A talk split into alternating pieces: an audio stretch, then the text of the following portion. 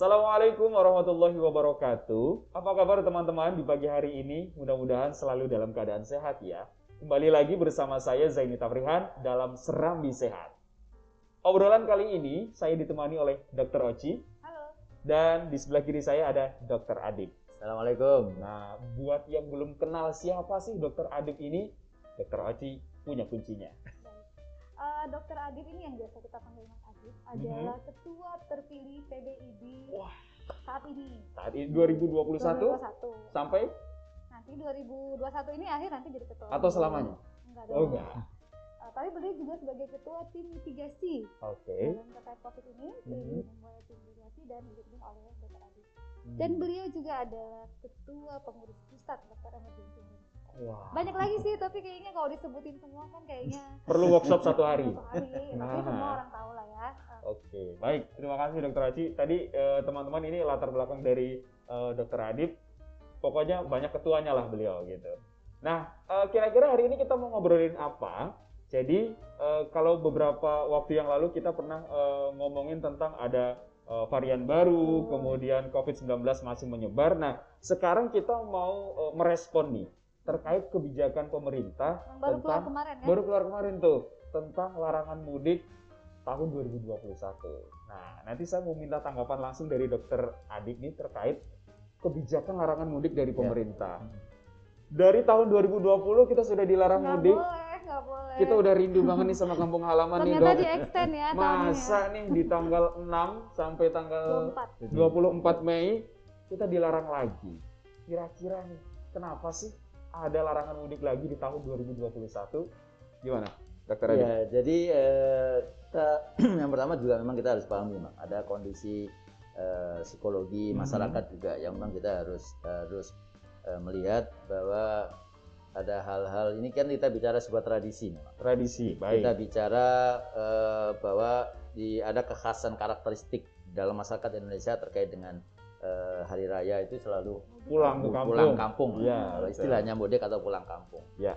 Nah, tapi tentunya eh, ada satu kekhasan di Indonesia yang terkait dengan perkembangan COVID ini. Mhm. Kita coba amati dalam eh, dan ini beberapa kali kita diskusikan dalam satu tahun pandemi. Oke. Kalau kita bicara di luar negeri ada namanya itu gelombang satu, gelombang dua. Kalau di Indonesia itu nggak ada gelombang satu, gelombang dua, bergelombang-gelombang.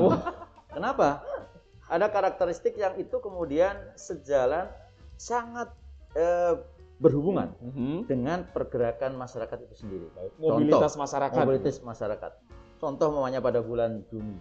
Oke. Pada saat itu sebenarnya efek dari juga libur Libur eh, panjang. Iya. hari raya juga pada saat Betul, tahun 2020. Apa yang terjadi? Mhm. Kasus langsung meningkat. Naik. Dan Oke. jujur memang ini kita pantau. Kebetulan kita di tim mitigasi juga memantau kondisi daripada teman-teman eh, dokter tenaga Hmm. kesehatan. Mhm. Di saat itu juga angka kematian tenaga medis tenaga kesehatan juga Tinggi. cukup naik lah. Wah. Cukup naik. Belum Hmm. tinggi karena nanti tingginya ada di bulan yang lain gitu. Oh, Nah, Oke. setelah bulan Juni Juli ada liburan long weekend juga Long di bulan weekend. Oktober. Iya, betul. Apa yang terjadi? November udah mulai naik lagi. Ditambah lagi liburan pada Natal tahun Natal baru. Tahun baru.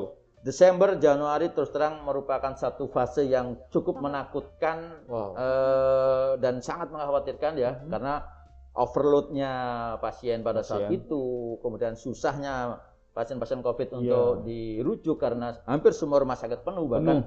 Okupansi rate-nya itu bisa sampai lebih dari 90% gitu Masya ya. Allah. Iya. Nah, angka kematian dokter juga pada saat itu di bulan Desember 55, bulan Januari 59 dokter yang meninggal. 59. Nah, di, demikian juga di tenaga kesehatan yang lain. Artinya itu efek dari karena tadi liburan tadi. Oke. Nah, Januari udah naik, Februari Mhm. memang turun. Oke. Ya. Turun kenapa? Nah, ini banyak sekali faktor. Kita Oke. tidak bisa mengatakan bahwa oh karena sudah ada program vaksinasi berjalan. Oke. Oke, satu faktor mungkin, Mm-mm. mungkin karena kita Mm-mm. belum ada penelitiannya. Mhm. Yang kedua berkaitan juga dengan karena sudah karena atau diterapkannya ppkm. PPKM. Jadi Ya. skala mikro maupun skala, skala besar. mikro. Nah itu itu terus terang itu berdampak. ya. Berdampak. Termasuk juga ketegasan pemerintah daerah di dalam meminta masyarakat untuk mematuhi protokol. Ah, betul. Nah, Betul. Turun itu memang kasus ya, Mhm. sehingga okupansi rate yang di ruangan isolasi Oke. memang turun Nah, sampai 70%. baik. Tapi yang di ruang ICU dengan kondisi berat masih Masih masih penuh lah istilahnya, masih tinggi. baik. Artinya ini menjadi satu kondisi yang kalau umpamanya kita melihat dari satu grafik ini Mhm. bukan tidak mungkin kalau kita membiarkan, mohon maaf, Iya. mudik, ya, Oke. maka kondisi akan semakin bertambah. Ditambah lagi ini ada satu hal yang yang juga perlu kita waspadai, ada Oke. varian baru. Oke. Dan kita tahu kemarin sudah di, dirilis oleh pemerintah Ya. ada masuk 10 orang Mhm. yang dari India. Betul. Artinya apa? Transmisi dari India mungkin sudah, bukan tidak mungkin transmisi lokal pun sudah Ah, terjadi. oke. Nah, ini ada satu fase yang memang harus kita pahami sehingga mudik ya, Mhm. ditambah lagi dengan liburan Iya. eh, Idul Fitri ini Oke. akan bisa berdampak untuk kenaikan kasus. Oke. Ditambah lagi nanti di bulan eh, mulai kerja, bulan Oh, Juninya. Bulan Juni ya. Ditambah lagi kalau sudah ada tatap muka sekolah bulan Ya, Juli. dibuka Ditambah Betul, lagi dengan Agustus nanti peringatan 17-an. Mhm. Maka kita Lomba-lomba akan ya. berhadapan dengan satu kondisi yang ini akan kembali lagi naik ke puncak. gitu. Oke. Nah inilah yang kemudian kami terus terang sangat mendukung untuk ya, termasuk kemudian merekomendasikan dilarang mudik. Oke. Dilarang mudik tidak hanya sekedar larangan, tapi transportasi dibatasi, Nah, ya. ini Terus kemudian baik itu udara, Jakarta. laut, Mhm. dan darat itu harus benar-benar strict ya. Oke. Karena apa? Salah satu cara untuk kemudian kita supaya menekan Mhm. supaya kita tidak masuk ke angka yang naik lagi Mhm. itu adalah salah satu cara yang saya kira saya eh, sepakat dengan apa yang sudah dibuat oleh pemerintah. Baik. Nah, ini latar belakangnya sudah disampaikan nih. Kenapa kemudian ada kebijakan larangan mudik di tahun 2021? Tapi ini, nah ini ada tapinya Iya. nih. Masyarakat Indonesia ini, Dokter Adit sama Dokter Oci, kita kan sudah ditentukan pulang nggak boleh pulang ke kampung halaman Nah. itu mulai dari tanggal 6 Ya. sampai tanggal 24 Mei. Wah, Tapi kalau gitu gue persiapan deh pulangnya sebelum tanggal 6 gitu. Nah, Ya. Gimana nih mengantisipasi eh, kebijakan yang sudah dikeluarkan sama pemerintah? Apakah masyarakat kita eh, ini akan akan berdampak nih pada penyebaran COVID-19? Saya pulang deh sebelum tanggal 6 lima kayak gitu. ya. Tanggal 5 kita udah oh bis masih jalan nih atau transportasi masih oke gitu. Iya. Ya, jadi Dok? memang eh, kembali lagi yang paling utama adalah membangun kesadaran, Mm-mm. kesadaran masyarakat. Jadi pemerintah melarang ini bukan hanya sekedar kemudian tidak boleh bertemu dengan keluarga, Oke. tidak boleh bertemu dengan orang tuanya atau menghalangi kita untuk bersilaturahmi, tapi semata-mata memang karena kita masih belum selesai dengan pandemi COVID-19 ini gitu. Nah, membangun kesadaran itu memang sulit, apalagi dengan kondisi psikologi masyarakat yang saat ini ya. Mm-mm. Artinya sudah satu tahun, semuanya fatik, semuanya capek, semuanya burn out namanya. Ya, artinya masyarakat juga burn out, kami juga juga tenaga kesehatan burn out. Hmm. Kalaupun ada yang mohon maaf memaksakan Ya. diri seperti itu, apa yang akan bisa terjadi?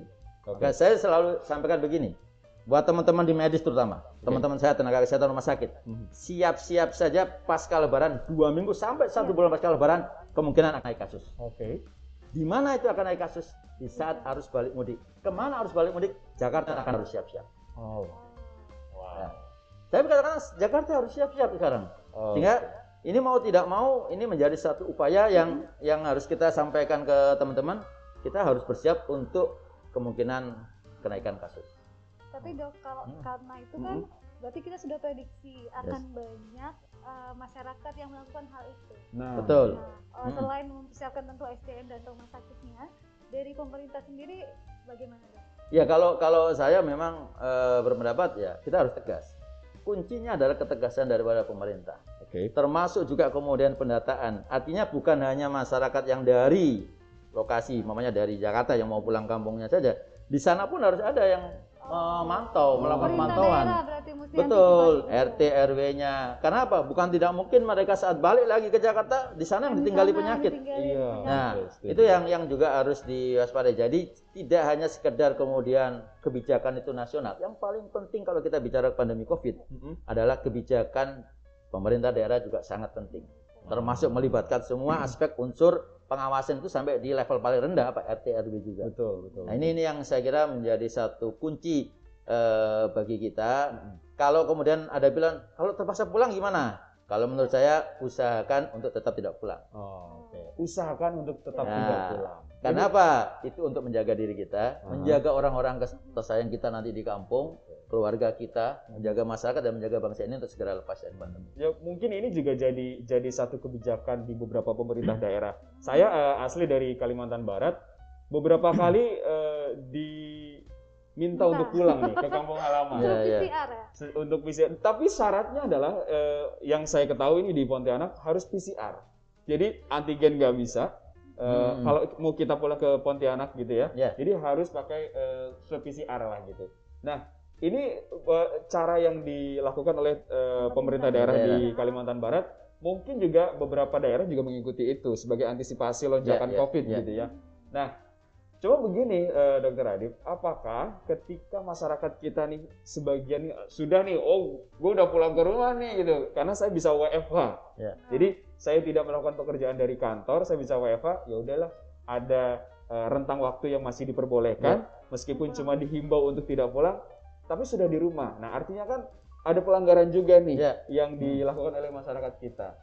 Ketika pelanggaran itu dilakukan, mungkin nggak sih kita bisa kayak India?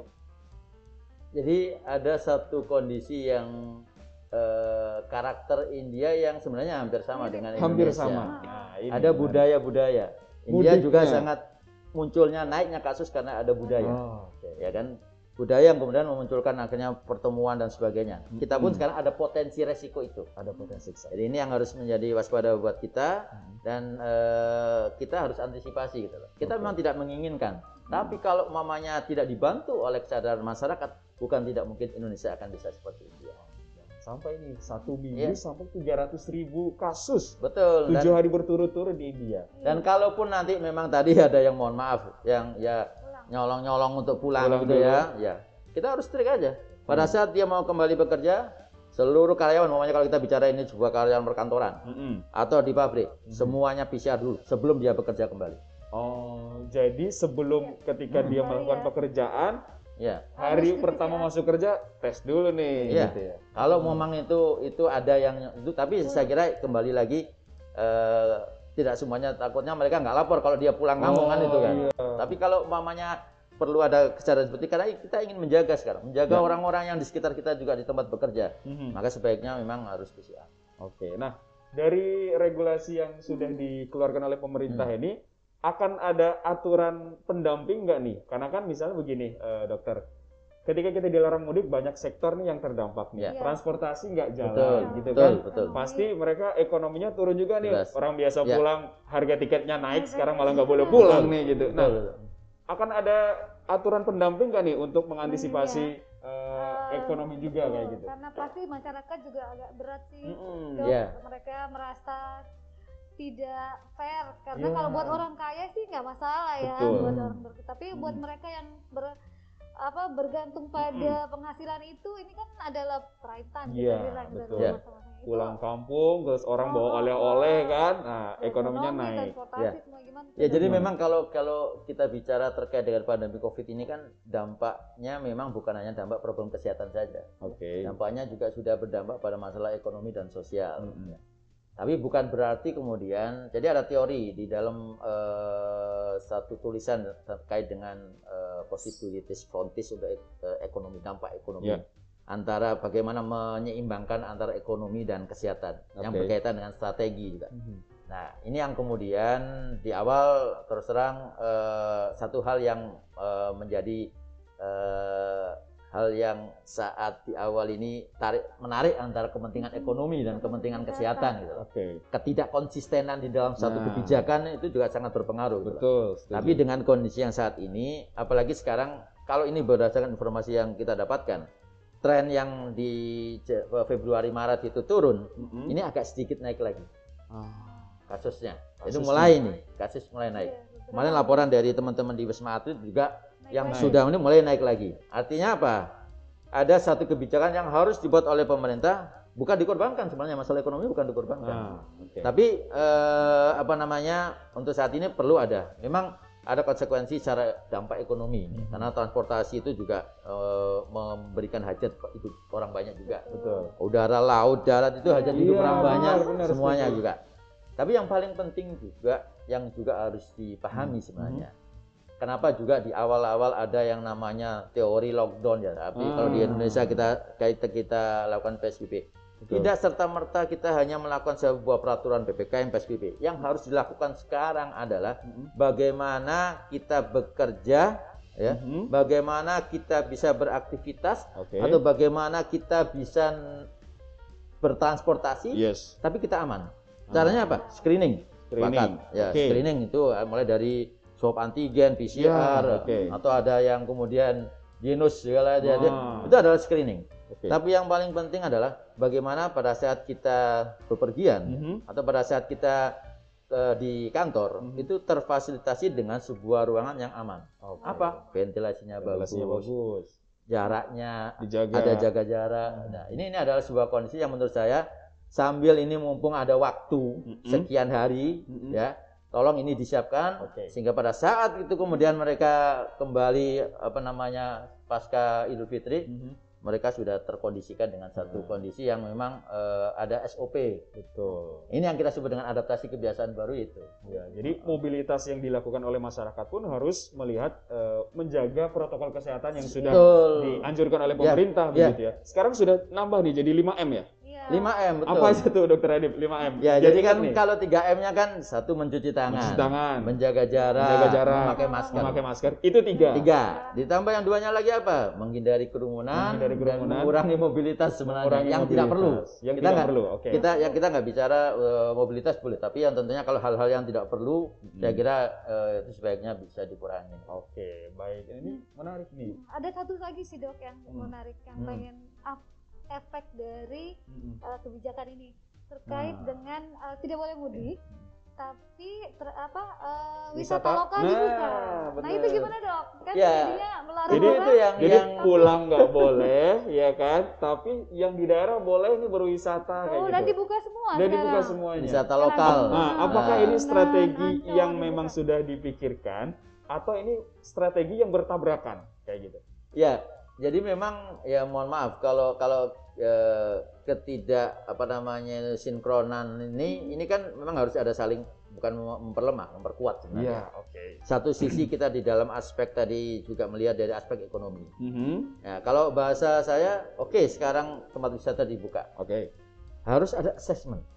Assessment. Jadi Oh, saya, saya oke. selalu bilang bahwa harus ada assessment siapa komite pengawasannya. Hmm. Siapa yang komite pengawasan? Satgas. Satgas. Satgas Covid di setiap daerah harus bergerak untuk melakukan pengawasan di tempat-tempat wisata itu sudah mematuhi protokol 5M enggak? Ah, benar. Gitu loh. Oke. Bisa nggak mengatur kemudian masyarakat umumnya tidak tidak berjubel? Ah. Bisa nggak mengatur kemudian mamanya orang sekian hanya ini untuk kapasitas sekian orang supaya tetap bisa menjaga jarak. Oke. Yang lain nggak boleh masuk. Nah, itu harus ada ketegasan gitu loh. Dan ini tentunya perlu dibantu bukan hanya pengelola eh, tempat wisata, tapi Betul. juga dibantu oleh aparat. Iya. Sehingga ada ketegasan bahwa boleh, tapi ini ada protokolnya gitu loh. Ah, siap. Ini dan dan itu ada assessment. Kalau umpamanya assessment itu dilanggar, tutup. Nggak boleh. Nah, itu Tegas harus ada ya, tegas pokoknya. gitu. Ini yang saya kira selama ini kita sepertinya masih tidak konsisten. gitu loh. Ah, betul. Eh, pengawasan di daerah pun juga tidak Iya, iya, konsisten gitu loh. Ya, karena karena eh, mindset dari eh, masyarakat awam bahwa ini gimana sih kita nggak boleh mudik tapi wisata Iya. dibuka gitu. Kan Iya. kita juga pengen liburan kan, Betul, betul, gitu. betul. Nah itu itu itu mungkin eh, sedikit terjawab ya teman-teman. Jadi eh, kalau kita baca lagi yang disampaikan oleh Menteri eh, Kemenparekraf Pak Ya. Sandiaga Uno, boleh berwisata tapi orang yang lokal-lokal aja. Ya. Oh. Jadi yang dari Jakarta udah deh nggak perlu ke Labuan Bajo misalnya, nggak perlu ke Bandung kayak gitu. Aja Ragunan. Ke Ragunan atau TMI kayak gitu ya. Ya tapi tetap diatur juga. Tetap Jangan diatur semua juga nanti ngumpul di Ragunan, padat gitu loh. Iya.